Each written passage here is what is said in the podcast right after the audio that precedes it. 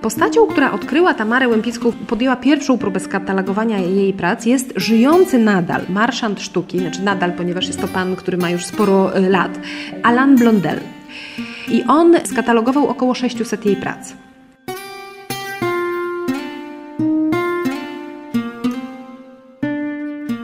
To była jedna z wielu artystek, Profesor Lechosław Lamański, historyk sztuki.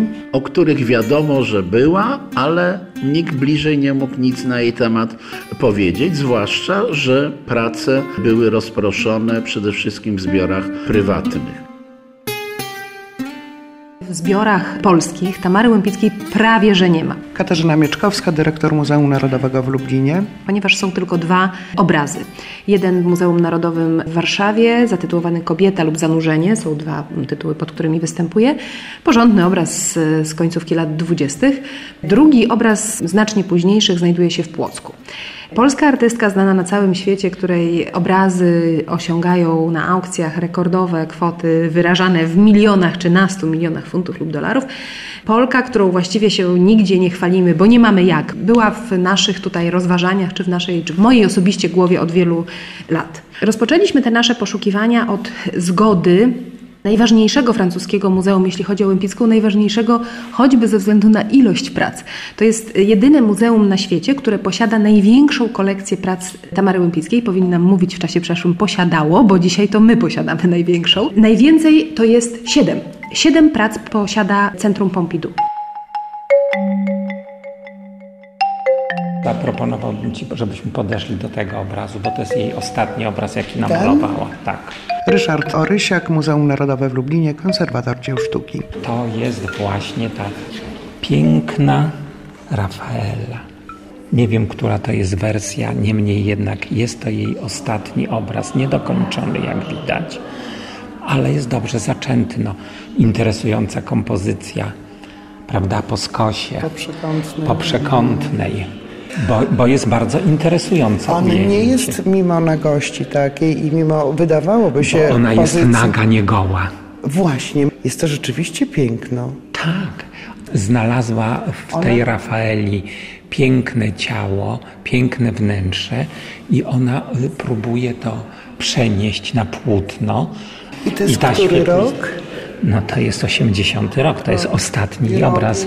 I tak, i to twierdzi się, że to jej ostatni obraz. Może i chciałaby go dokończyć, może już nie miała siły.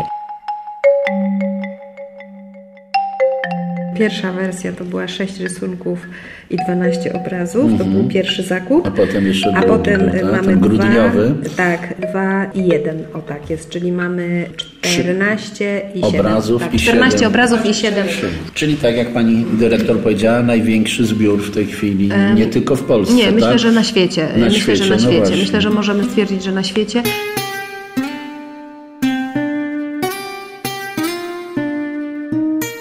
Zaczęliśmy od takich próśb kierowanych do Centrum Pompidou, żeby się na wystawie znalazło coś największego, najważniejszego, wokół czego można by zbudować opowieść o epoce, opowieść o artystach École de Paris, połączone właśnie z mm, tą rolą, jaką Łempicka, która się nie wpisuje wprost w École de Paris, ale która jest tym symbolem również Francji lat 20., 30., jeśli chodzi o malarstwo.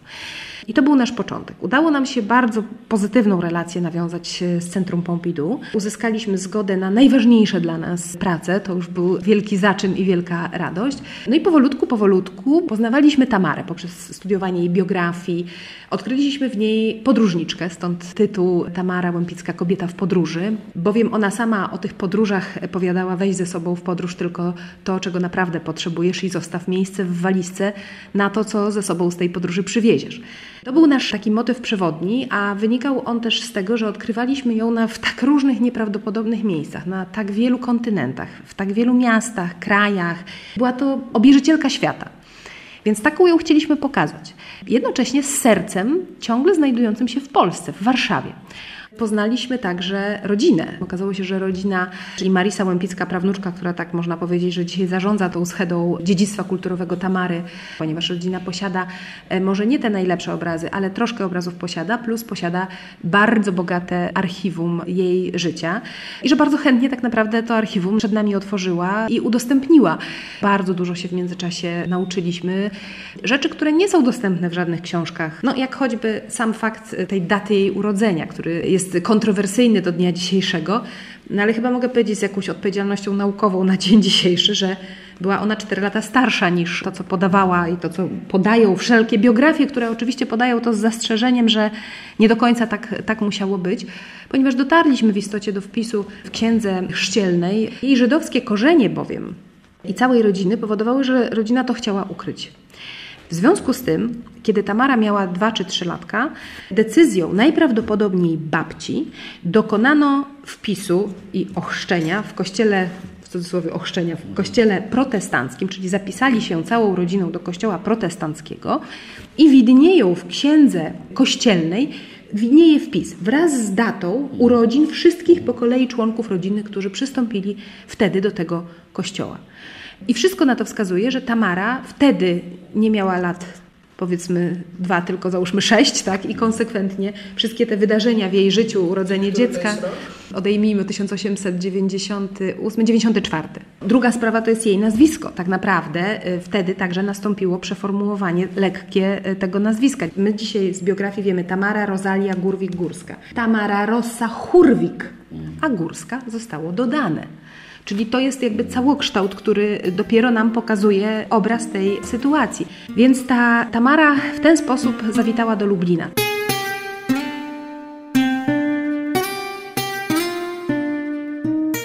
Rzeczywiście Muzeum Narodowe w Lublinie ma tę przyjemność i satysfakcję, że jest pierwszym muzeum w Polsce, które zorganizowało dużą i rzeczywiście przyzwoitą wystawę artystce poświęconą, chociaż ja, będąc na tej wystawie kilkakrotnie, miałem pewne uczucie niedosytu, wynikające z faktu, że dla mnie tam było więcej o artystach wokół Tamary Łępickiej, o środowisku, którym ona żyła, głównie wtedy na to wystawie to, to środowisko paryskie. Natomiast dla mnie najsłabiej jakby sama artystka była reprezentowana.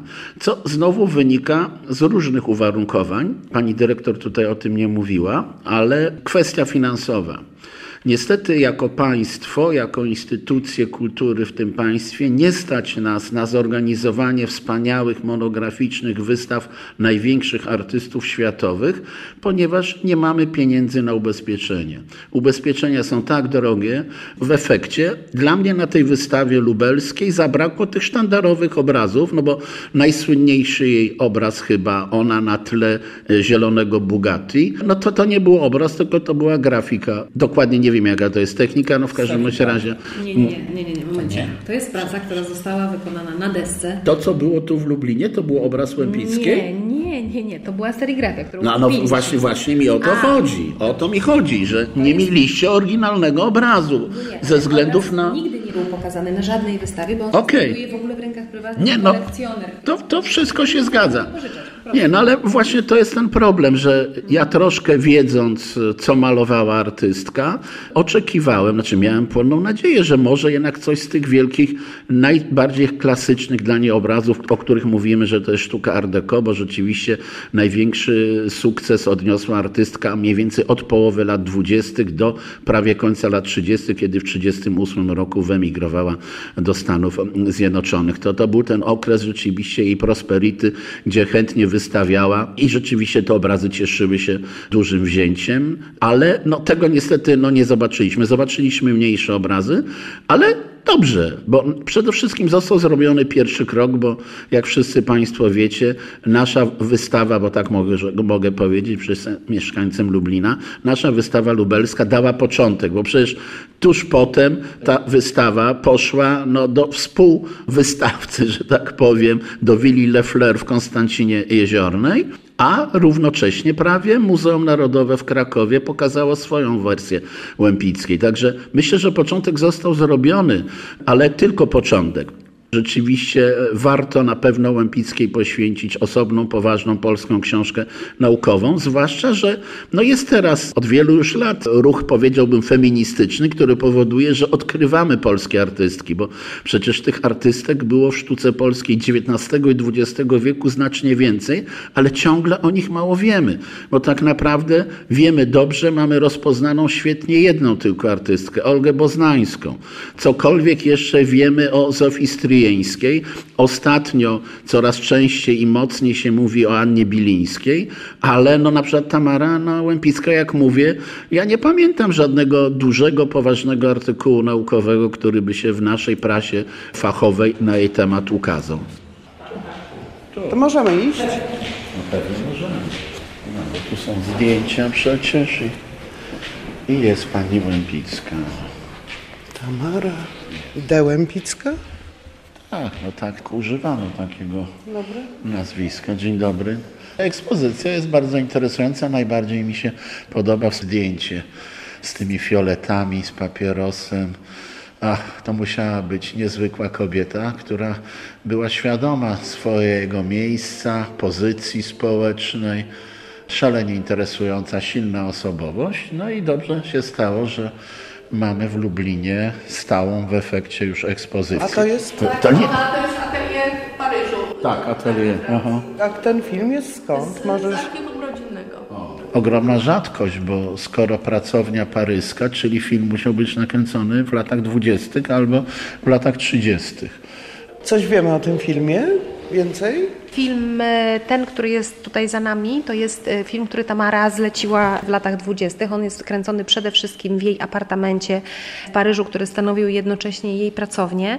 To jest po prostu rodzaj autokreacji lat dwudziestych. Głosu jej nie mamy. E, No nie mamy, to jest to tylko Obraz muzyka tylko. podłożona. Obraz. O, Suzy Solidor, czyli jej modelka, Umiała się sprzedać i robiła to dobrze.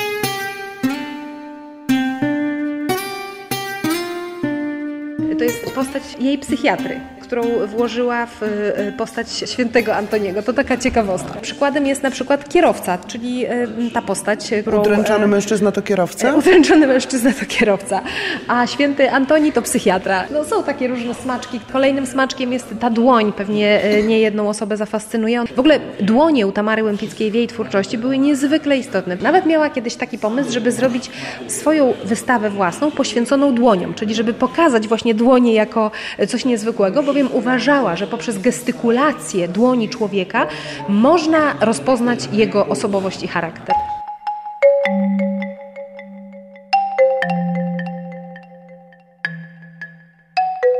Podjęłam taką próbę zakupienia obrazu Tamary Łępickiej, ale jedynego na początek i to było zanim otworzyliśmy wystawę. Nie było środków, nie było takiej możliwości, nie było jeszcze wtedy sukcesu Tamary, więc myślę też, że nie było aż takiej motywacji do tych działań. Chyba dopiero ta frekwencja, to zamieszanie wielkie, które wytworzyliśmy, no bo tak trzeba powiedzieć w, w Polsce, padła zgoda, że no dobrze, no to może faktycznie powinniśmy nabyć jakąś pracę. W międzyczasie pojawiła się postać Wiktora Manuela Contrerasa. To był rzeźbiarz, przyjaciel Tamary Łępickiej, właściwie z końcówki jej życia, bo oni poznali się co prawda gdzieś w Paryżu w latach 20., 30., ale tak, to był rzeźbiarz bardzo młody wtedy, młodszy od niej 40 lat. Był on stypendystą księcia Jusipowa. Zapamiętał e, Tamarę jako damę, ekstrawagancką postać, malarkę, wtedy już z pewną marką owianą magią i tajemnicą, którą sama wytwarzała wokół siebie. I jak ona zjawiła się w Meksyku pod koniec swojego życia w latach 70., wtedy wynajmowała dom w Meksyku. Meksyk w ogóle stał się takim miejscem osiedlania się elity amerykańskiej. Szczególnie miasto Cuernavaca, miasto wiecznej wiosny, przepiękne, dostatnie życie prowadzone za niewielkie pieniądze. To były główne powody i piękna pogoda. To były główne powody, dlaczego tam się osiedlali. I faktycznie z tej Cuernavaki zrobiło się też takie centrum trochę intelektualne. Tamara wynajmowała tam dom, willę Tres Bambus. Przez kilka lat ją wynajmowała, finalnie ją kupiła. Stało się to, to jej podróżowanie gdzieś z końcówką lat 60., początkiem 70., kiedy zmarł baron Kufner, jej drugi mąż. Wtedy mieszkali w Stanach Zjednoczonych w Nowym Jorku i ona z tego Nowego Jorku właściwie przeniosła się po śmierci barona Kufnera do córki, która mieszkała w Houston. No i tak bardzo nowojorska i bardzo amerykańska dama malarka wpada do Houston, które jest delikatnie rzecz ujmując y, mocno prowincjonalne y, pod koniec lat 60. i wprowadza swoje porządki. Oczywiście bardzo szybko konfliktuje się z córką, konfliktuje się z rodziną, ubiera w ekstrawaganckie ubrania swoje wnuczki, czego oczywiście one tego nie lubią i tak dalej. No wprowadza sporo zamieszania, ale sama się chyba nie najlepiej czuje w tym zamieszaniu, bo tam nie ma niczego dla niej, niczego co ją bawi, co stanowi rozrywkę intelektualną, malarską, nie ma jej towarzyszy artystów, więc szuka pomysłu na siebie. I ten pomysł polega na częstych podróżach do owej Cuernavaki i tam pojawia się Victor Manuel Contreras, ciągle 40 lat od niej młodszy, ciągle rzeźbiarz i w ten sposób rodzi się ta relacja, która jest relacją czysto przyjacielską, czysto koleżeńską. Niemniej jednak faktycznie była to osoba, która te ostatnie lata życia Tamary towarzyszyła jej chyba najbliżej ze wszystkich. W efekcie tego wszystkiego Wiktor Manuel Contreras staje się posiadaczem, kolekcjonerem prac Tamary Łępickiej. Część z tych prac otrzymał od niej, część kupił od niej, a część kupił od Kizet po śmierci Tamary. Tak tworzy się kolekcja, o której istnieniu wiedzieliśmy już zanim powstała nasza pierwsza wystawa Tamara Łępicka Kobieta w podróży. Wtedy postanowiliśmy nawiązać kontakt z Wiktorem Manuelem Contrerasem. Rozmowa z panem Wiktorem Manuelem Contrerasem nie była łatwa. Jednego dnia powiadał, że posiada całkiem sporo obrazów Tamary Łępickiej i serdecznie nas zaprasza do obejrzenia tych obrazów, a dnia następnego powiadał, że nie ma żadnych obrazów, ale serdecznie nas zaprasza. on był jednak bardzo mocno związany z tą kolekcją. I tu nie chodziło o aspekty finansowe, bo on niczego nie musiał sprzedawać, ale jego wolą czy intencją była rzecz jedna. Powiadał tak, że Tamara zawsze chciała mieć coś w Polsce bardzo tęskniła za Polską. Ona już się nigdy nie odważyła przyjechać do Polski w okresie komunizmu, czyli po wojnie, natomiast przed wojną, w latach 30., jednak do tej Polski przyjeżdżała i jednak bywała. Jak rozmawiała na przykład z Kizet, najczęściej rozmawiała po polsku, chociaż obie mówiły w kilku językach, ale jak się kłóciła, to już na 100% po polsku. Słynne serwowanie kolacji na Manhattanie w postaci bigosu gotowanego z siedmiu rodzajów mięsa i tak dalej, i tak dalej. To, że Marisa, jej prawnuczka, doskonale wie, jak smakuje barszcz, jak smakuje mizeria, zna polskie potrawy, to jest trzecie pokolenie.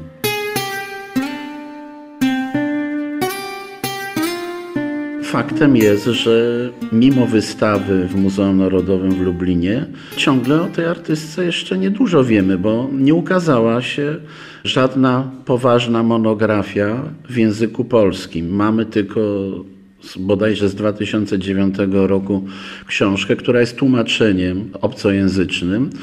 Co prawda polscy badacze znali Tamarę Łępicką od wielu już lat, bo jeżeli Państwo sięgniecie do polskiego życia artystycznego 1915-1939, wydanego w latach 70., to tam nazwisko Tamary pojawia się wielokrotnie, ale najczęściej tylko przy wystawach zagranicznych, chociaż rzeczywiście pojawiała się w Polsce, brała udział w powszechnej wystawie krajowej w 29 roku w Poznaniu. Także specjaliści badacze badacze wiedzieli, kto to jest Tamara Łępicka, ale tak naprawdę nikt się Tamarą Łępicką do początku XXI wieku w Polsce nie interesował. Ja dotarłam do artykułów Szymona Bojko, tak no, historycznie, sztucznie. To jest jego książka, zapomniałem. jest tak, właśnie, o Polakach tam. w Ameryce, tylko to są też późne lata, Późne, proszę tak, właśnie, ale no, tam zresztą jest tekst o naszym lubelskim artyście, o Tadeuszu Mysłowskim. Jest, tak, tak, również Bojko, jest, tak. również jest. I jeszcze taką ciekawostkę powiem, pomiędzy nim a Tamarą toczyła się korespondencja listowna.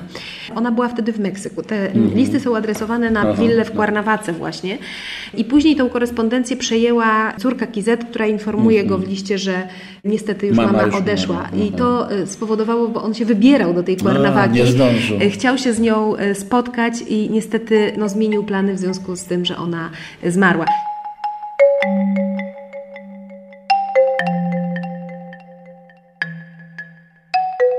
jest, że tak powiem, moda na Art Deco. Ona się świetnie wpisywała w Art Deco. Te obrazy są na dobrym poziomie, jeśli nie bardzo dobrym. I wcale się nie dziwię, że są kolekcjonerzy, którzy chętnie by takie obrazy chcieli. To jest kwestia w dużej mierze mody oraz tego, jak jest odbierany dany artysta przez krytykę. W Polsce o niej w efekcie nie pisano, bo całe życie siedziała tak naprawdę poza granicami naszego kraju. Po II wojnie światowej, jak usłyszeliśmy, w ogóle w Polsce nie była, do tego była w Stanach, w Meksyku, no, czyli strasznie daleko. Nie uczestniczyła zresztą, no, trzeba pamiętać, że jej twórczość już po II wojnie światowej nie cieszyła się takim uznaniem w Stanach Zjednoczonych, no, a w Meksyku pewnie tym bardziej. Szukalski też nie, był. No, no, Szukalski nie był w Polsce, no i co? I też o nim nie wiedziano. I nie, no, niechcący, dzięki temu, że miałem świetnego promotora, pana profesora Ryszkiewicza, który mi zwrócił uwagę, że jest taki artysta. Ale tak naprawdę, co z tego, że ja napisałem trzy książki o Szukalskim, skoro tak naprawdę to media spowodowały, że nastąpił znowu boom na Szukalskiego. No bo parę lat temu, jak Państwo wiecie, ukazał się ten film na Netflixie, który sponsorował Leonardo DiCaprio i jak zaczęli do mnie dzwonić dziennikarze, to oni się nie pytali o Szukalskiego i o sztukę, jaką, co on robił, tylko o Leonardo DiCaprio, także to jest paranoja.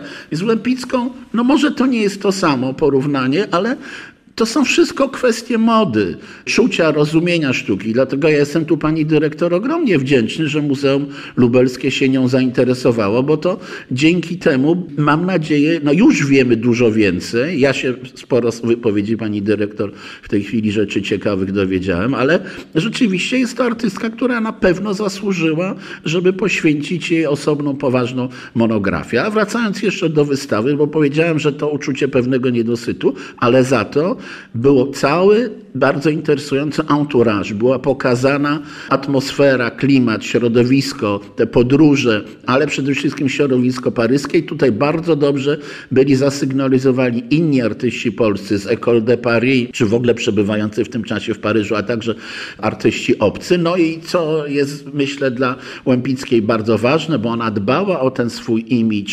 Kwestie, przecież mieliśmy na wystawie meble, biżuterię, porcelanę, przedmioty użytku codziennego, ubiory, także to zdjęcie w fioletowym stroju z tymi pazurami ostro jaskrawymi, z papierochem, tak jest. To było fantastyczne, byłem pod wrażeniem. Ona przecież tam miała już powyżej, zdaje się, 80 lat, jak to zdjęcie było robione. W każdym razie rewelacja, coś fantastycznego. No i w ogóle towarzyszące potem jeszcze wystawie, a teraz stałej ekspozycji zdjęcia ukazujące Tamarę Łępicką, to też bardzo dobre, ciekawe pociągnięcie. Także jestem tutaj pełen uznania dla całego zespołu Muzeum Narodowego w Lublinie.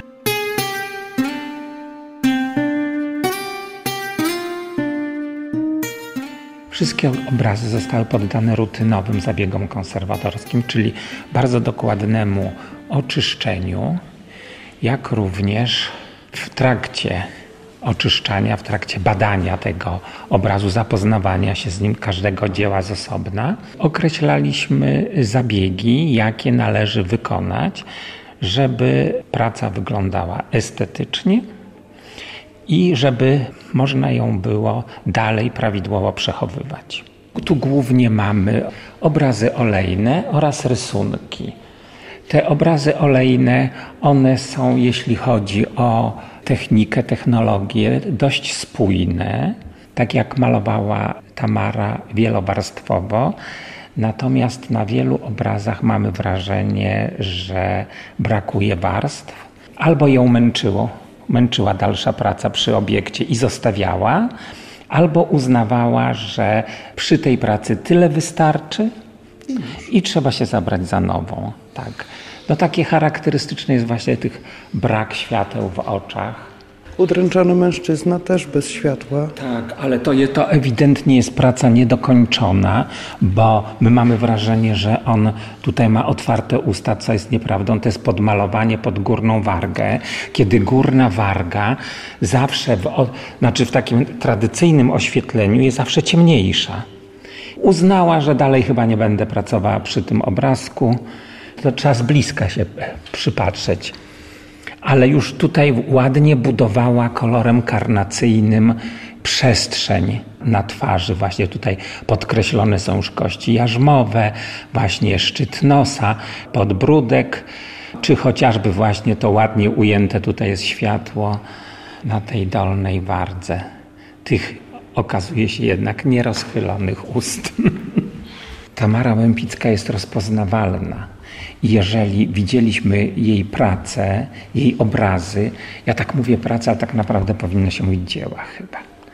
Jeżeli widzieliśmy ileś tam jej dzieł, to potem patrząc na taką głowę nie wiedząc, że to ona malowała, no to rozpoznajemy tutaj tą budowę karnacji. To jest takie bardzo charakterystyczne dla niej, czy tutaj szczegół we włosach, prawda?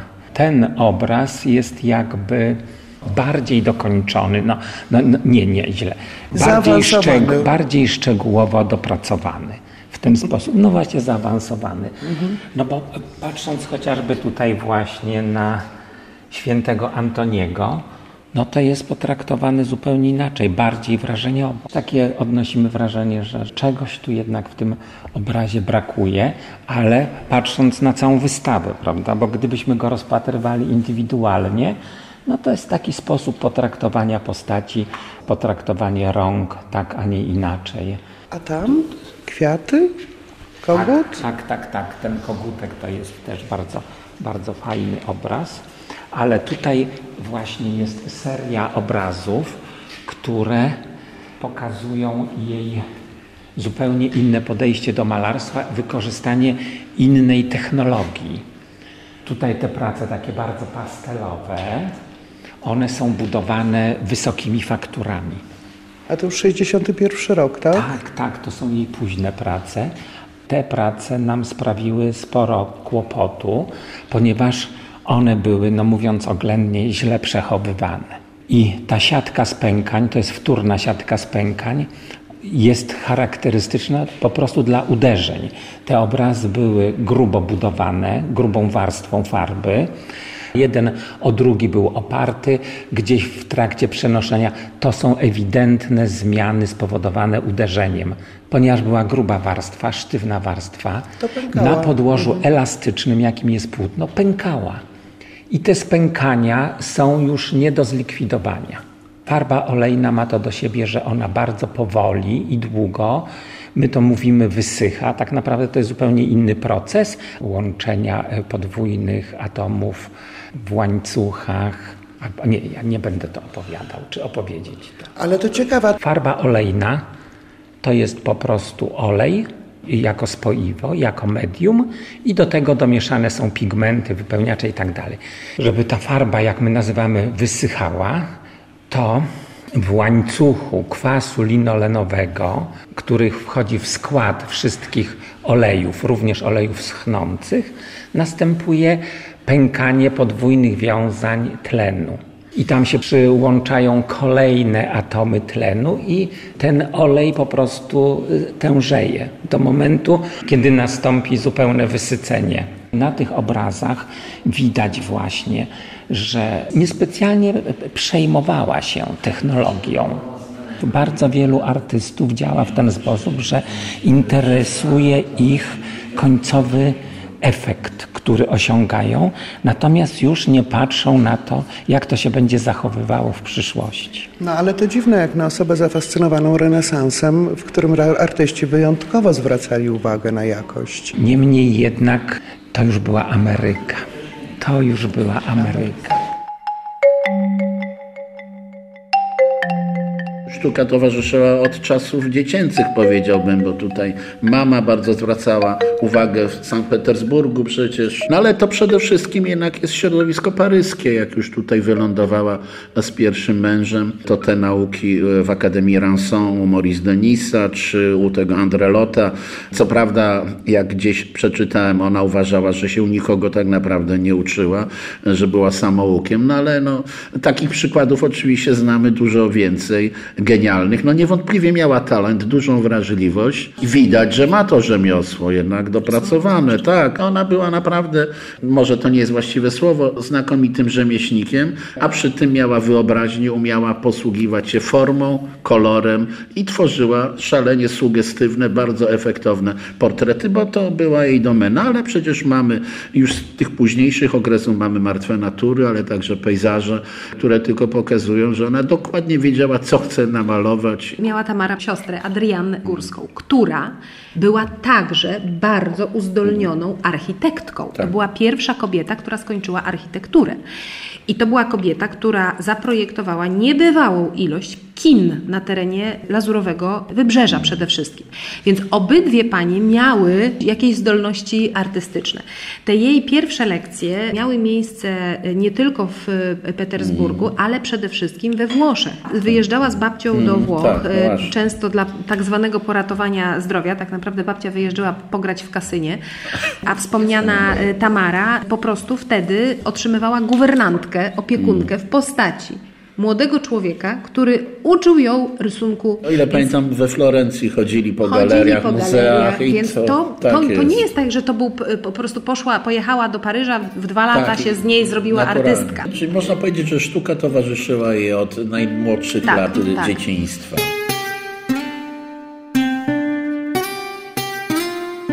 Niewątpliwie najlepszy okres to te lata 20 i 30, gdzie stworzyła jakby własny styl, który my potocznie tutaj nazywamy art deco. To jest jednak sztuka prosta, bo to są głównie portrety, akty, ale to też kwestia jej wcześniejszej nauki. Ona miała kontakt e, z nabistami, z Mauricem Denisem, z kubistami i rzeczywiście ona geometryzuje te swoje postacie. Ja czasami mam wrażenie, tak jak u Fernanda Legera, to był taki okres metaliczny jakby. Te akty ciała są takie jakby z blachy robione i, i pokrywane warstwą malarską. To robi naprawdę wrażenie. Przy tym one są wszystkie takie bardzo monumentalizowane. No, my tu widzieliśmy na wystawie lubelskiej tylko te mniejsze portrety i czasami to były tylko portrety nie całopostaciowe, ale tych całopostaciowych jest sporo jej obrazów. Można by je powiększać i one by nic nie straciły na swojej wartości. I to jest niewątpliwie dla mnie najlepszy okres, jak mówię, lata 20, 30. Później to, co ona już robi w Stanach, a zwłaszcza w Meksyku, ja już o wiele niżej oceniam. To nie jest już dla mnie e, sztuka tak dojrzała, tak interesująca. Ona próbuje, no, to wynika niewątpliwie według mnie z faktu, że ona próbuje jakby włączyć się w nurt, y, jaki, czy w nurty, jakie były wtedy już po II wojnie światowej, ale jej się już nie, to nie udaje. To jest taka sama historia, bym powiedział, jak Zofią Stryjeńską, która była królową malarstwa polskiego w dwudziestoleciu międzywojennym, ale po wojnie już się nie umiała odnaleźć, bo bliższa jej była zupełnie inna stylistyka, która już odeszła jakby do lamusa. I tutaj Łępicka też y, jakby się nie sprawdziła na tym polu. Tamara była dekoracyjna, ona była po prostu ładna. Te jej prace były ładne i one dobrze wyglądały we wnętrzach, we wnętrzach art deco. Dokładnie. Ludzie kupowali jej pracę za duże pieniądze za czasów jej życia. Ona nie bez powodu odwiedzała tych najbogatszych i najbardziej znanych, żeby kupili przez nią namalowany portret. Ona powiadała, ja maluję dla pieniędzy. To była kobieta, która absolutnie wiedziała, czego chce. Jeśli chciała kogoś namalować, to robiła to albo dlatego, że ją zafascynował artystycznie i po prostu był piękny dla niej, e, jak na przykład Bella Raffaella, którą dzisiaj trudno nazwać ikoną piękności, ale ona po prostu ją była zafascynowana, ona ją wielokrotnie powielała później tych obrazów z serii Belli Raffaelli. Powstało kilka, bo to była dla niej, ona powiedziała, że to jest najpiękniejsza modelka, jaką ona spotkała w życiu. Malowała ją, ponieważ była piękna, ale wiele postaci, które malowała, malowała dlatego, że równało się to z zarobieniem pieniędzy. Ona wyrobiła swoją markę, swoją pewną, pewną wartość. Jej pierwsze zaproszenie do Stanów Zjednoczonych ze strony państwa Bushów wynikało z tego, że to była najbardziej znana portrecistka lat 20-30. Taką markę sobie wyrobiła i taki głos pobiegł do Stanów Zjednoczonych. I odebrała telefon pod koniec lat 20. z prośbą o to, czy by nie przyjechała do Stanów Zjednoczonych po to, żeby namalować rodzinę państwa Bushów. No to coś to oznacza. Wtedy mamy końcówkę lat 20. Za duże pieniądze, pokryciem kosztów podróży i całej reszty, więc dalsza konsekwencja tego jest tym, że te prace znajdowały się głównie w rękach prywatnych. Ta popularność Tamary Dzisiaj to jest, tak jak pan profesor powiedział, na pewno moda. Ta moda zresztą przychodziła i odchodziła kilka razy. Natomiast to, co się stało z Tamarą, jest takim bardzo ciekawym zjawiskiem z punktu widzenia komunikacji, z punktu widzenia sprzedaży produktu. Mianowicie jej wejście do świata współczesnego. Ja już nie mówię o filiżankach, porcelanie z wizerunkami Tamary Łępickiej, bo jest to mocno oczywiste, dzieje się to prawie z każdym bardziej popularnym artystą. No ale mówię przykładowo o teledyskach Madonny, która wykorzystuje w, nich po prostu wizerunki obrazów e, Łępickiej. Gry komputerowe, do których są sprzedawane licencje przez rodzinę na wykorzystanie obrazów Tamary Łępickiej. To są zjawiska dla mnie osobiście bardzo ciekawe, stosunkowo nowe. Dzisiaj powstaje Museum musical na Broadwayu, który będzie miał swój debiut w marcu, więc no znowu będzie kolejny y, wysyp Tamary w Stanach Zjednoczonych. W tej chwili przygotowywana jest wielka wystawa w Kalifornii. Na tą wystawę poproszono Muzeum nas... daje? O, Daje, Oczywiście, panie właśnie. profesorze. Nasz pierwszy e, marketingowo-promocyjny... fantastycznie. I o to i, właśnie i o to chodzi, właśnie o to chodzi. chodzi, tak I to jest. był nasz cel i nasze e, zadanie, mój zamysł na tą Mm. kolekcję, żeby ona pracowała i promowała Muzeum Narodowe jasne. w Lublinie.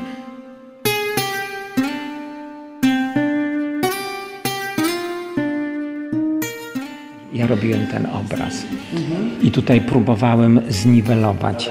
Tak, Natura z cytrynami martwa na krześle. na krześle. A pierwotny tytuł tego y, to jest y, dzbanek z cytrynami. I tam z tyłu napisane jest i po francusku, i po angielsku dzbanek z cytrynami. My mamy taki tytuł. Mnie nie udało się do końca zniwelować tej siatki spękań. Tutaj, o, tu są takie momenty, widzisz, prawda? Te odkształcenia jakby trochę zniwelowałem. Nie do końca się dało to zrobić i nie należy za wszelką cenę likwidować takich zmian, bo one mogą zaszkodzić Samemu obrazowi. sam, samemu obrazowi. Niemniej obraz jest interesujący. Właśnie te, te obrazy, które są takie pastelowe, to one są interesujące. Mniej one nam się kojarzą z Łępicką, tak naprawdę nie kojarzą nam się, ale pierwowzór tego obrazka udało mi się znaleźć i mam na fotografii. Tak? Tak, jest to z kolekcji prywatnej obraz ze Stanów Zjednoczonych. Jest bardzo podobny do tego, co malowała Łępicka i na pierwszy rzut oka widać, że to jest obraz Łępickiej. Mówię o tym pierwowzorze. Natomiast ona później jakby powtarzała te elementy, te motywy, które malowała, szukając nowych środków wyrazu, prawda? Widać, że to, to wrażenie się liczyło, to takie swobodne kładzenie farby, grubo nałożonej farby. Kompozycja jest y, ta sama, natomiast sposób traktowania tej materii malarskiej jest zupełnie inny. Bo ja o Łępickiej już słyszałem na początku lat 70. w moim liceum. Tak, na zajęciach z liceum? liceum plastyczne, na zajęciach z historii sztuki w Lublinie. Ola Wójcik. Ona mnie uczyła, tak. Koleżanka, troszkę starsza. To ciekawe. I ona wtedy Skąd ona wiedziała? Bo mnie ani profesor Ryszkiewicz, ani Woźniakowski, który lepiej znał sztukę europejską czy światową, no, o Tamarze Łępickiej na przełomie lat 60. i 70., jak studiowałem, nikt nie mówił w Polsce. Ja na początku lat 70. w liceum słyszałem o Tamarze Łępickiej i o Lebensteinie. Wtedy po raz pierwszy usłyszałem o Natomiast ja mam pytanie pomocnicze, bo przysłuchiwałem się temu, co mówisz o technologii, o obrazach Łępickiej. Jestem pod wrażeniem, tylko mam pytanie dodatkowe. Czy twoja wiedza, znajomość znakomita, jak Łępicka malowała, jakich farb używała, to jest efekt tylko twojego świetnego przygotowania i oglądania wzrokiem, patrzenia, czy też przeprowadzałeś konkretne jeszcze badania chemiczne? My będziemy badać te obrazy. Czyli na razie nie przeprowadzałeś Natomiast badań, tylko to, co ciekawego nie, nie, ja powiedziałeś. Powiem może jedną rzecz. Wiemy o tym, że jej zięć eksperymentował z nią Tak. te wszystkie historie i to wiemy z przekazu absolutnie to jest rodzinnego. przekaz. Stąd w ogóle jej wielki szacunek i zamiłowanie do tego zięcia, Mhm. bo ona tak do, do rodziny to miała różny stosunek i różne relacje. Natomiast zięcia traktowała w sposób absolutnie szczególny, przez to, że spełniał jej wszystkie pomysły szalone, czyli osiągnięcie kolorów przeróżnych. W ogóle jej absolutnie ulubionym kolorem malarskim był kolor, który chyba dobrze brzmi we wszystkich językach świata, który się po prostu ona nazywała kolorem lila. tak, Co więcej, pewnego pięknego dnia w prowincjonalnym Houston postanowiła pomalować dom córki na kolor lila. Zatrzymywało się całe Houston, żeby zobaczyć efekty tej pracy. A jeżeli chodzi o tą technikę szpachli, czyli nanoszenia y, prawda, kolejnych warstw, to ona y, też sama powiadała, skąd ta technika wynika. We Włoszech, y, kiedy zobaczyła po wybuchu wulkanu w Pompejach efekty i, i powiedziała mniej więcej takie zdanie wtedy, że to, co przeżyli ci ludzie jest bardzo podobne do jej własnej historii, że ona z dnia na dzień straciła wszystko. Ona cały czas poszukiwała tych swoich własnych środków wyrazu. Zawsze się podpisuje na jaśniejszym prostokącie. Podpisy Łempickiej przechodziły bardzo różne stany rzeczy. Przede wszystkim na samym początku swojej twórczości podpisywała się Lempicki. To jest pierwsza sygnatura, która była. Sygnatura była zawsze taka gubiona, rozmyta. Lempicki obawiała się pewnie swojej y, jakby identyfikacji po pierwsze jako obcokrajowca, a po drugie jako kobiety, no bo to nie były łatwe czasy dla kobiet, jeśli chodzi o życie artystyczne. Później pojawia się Lempicka, już czyli się staje kobietą również w tym autorskim podpisie. I dopiero po jakimś czasie pojawiają się takie jak Ale to jest nadal Lempicka.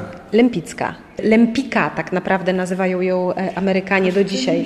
Lempika. A, bo, bo cenię czytania. Lempika. Powiemy Lempicka, możemy się nie dogadać, natomiast Lempika, Tamara de Lempika. I dopiero taki emblemat, on się pojawia gdzieś z końcem lat 30., kiedy ona już zaczyna to swoje nazwisko, nawet powiedziałabym w sposób przesadny, eksponować. Właśnie to już jest efekt tego, No że właśnie jest na kogucie, ale na kogucie, z którego on jest roku 61, podpis jest najważniejszy. Kogutek mi się podoba, no w każdym razie pokazuje, że artystka ewoluowała, jej twórczość ciągle się zmieniała, próbowała różnych... Tak, poszukiwała. uczestniczyła Dokładnie. właśnie w życiu artystycznym i widziała. Widziała, co robią inni i próbowała.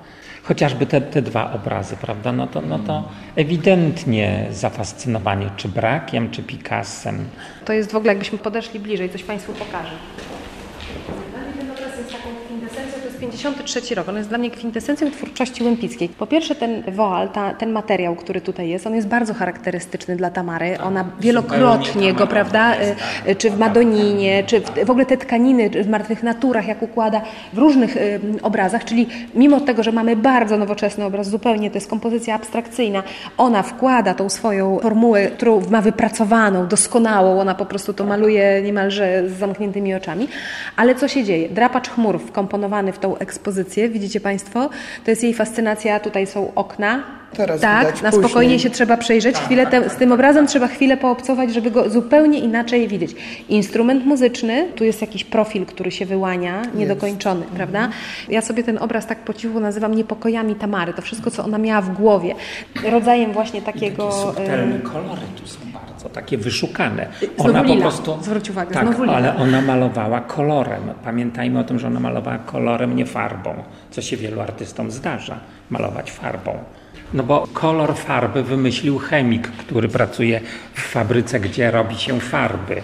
On nam daje pewien zestaw farb, z których mamy sobie stworzyć swój własny kolor. Czekam wydrukowania. Moje ulubione e, zdjęcie wszystkich e, pań. Kizet, córka, Wiktoria, Marisa i Kristina, czyli córka, wnuczka i prawnuczki. Taka e, kolekcja po prostu rodzinna. To jest właśnie sypialnia w Kwarnawadze w domu i to są te prace, które można zobaczyć u nas na Jest, wystawie. ostatnia Rafaela, tak? Święty Antoni i to są kopie, które ona sama robiła. Czyli właśnie ona wracała do tych swoich... e, Czyli nawet kopiowała sama siebie, ona tak? kopiowała sama siebie, dlatego że kolejna dziewczyna w zielonej sukience już wtedy znajdowała się w centrum e, Pompidou. To jest święty Antoni za szafą No tak. i święty Antoni na sztaludze. Sama miała kilka wersji. I Bella Raffaella, która kolejne... No e, tak, przecież e, ta nasza to chyba jest czwarta wersja tak naprawdę. Czy trzecia, tak. ale, tak. ale kolejna. Kolejna, kolejna wersja. Taką dygresję chciałem powiedzieć a propos Łempickiej, bo bardzo mi się podobało, co Łempicka powiedziała o starości. Starość jest jak grudniowe słońce. Świeci, ale nie grzeje.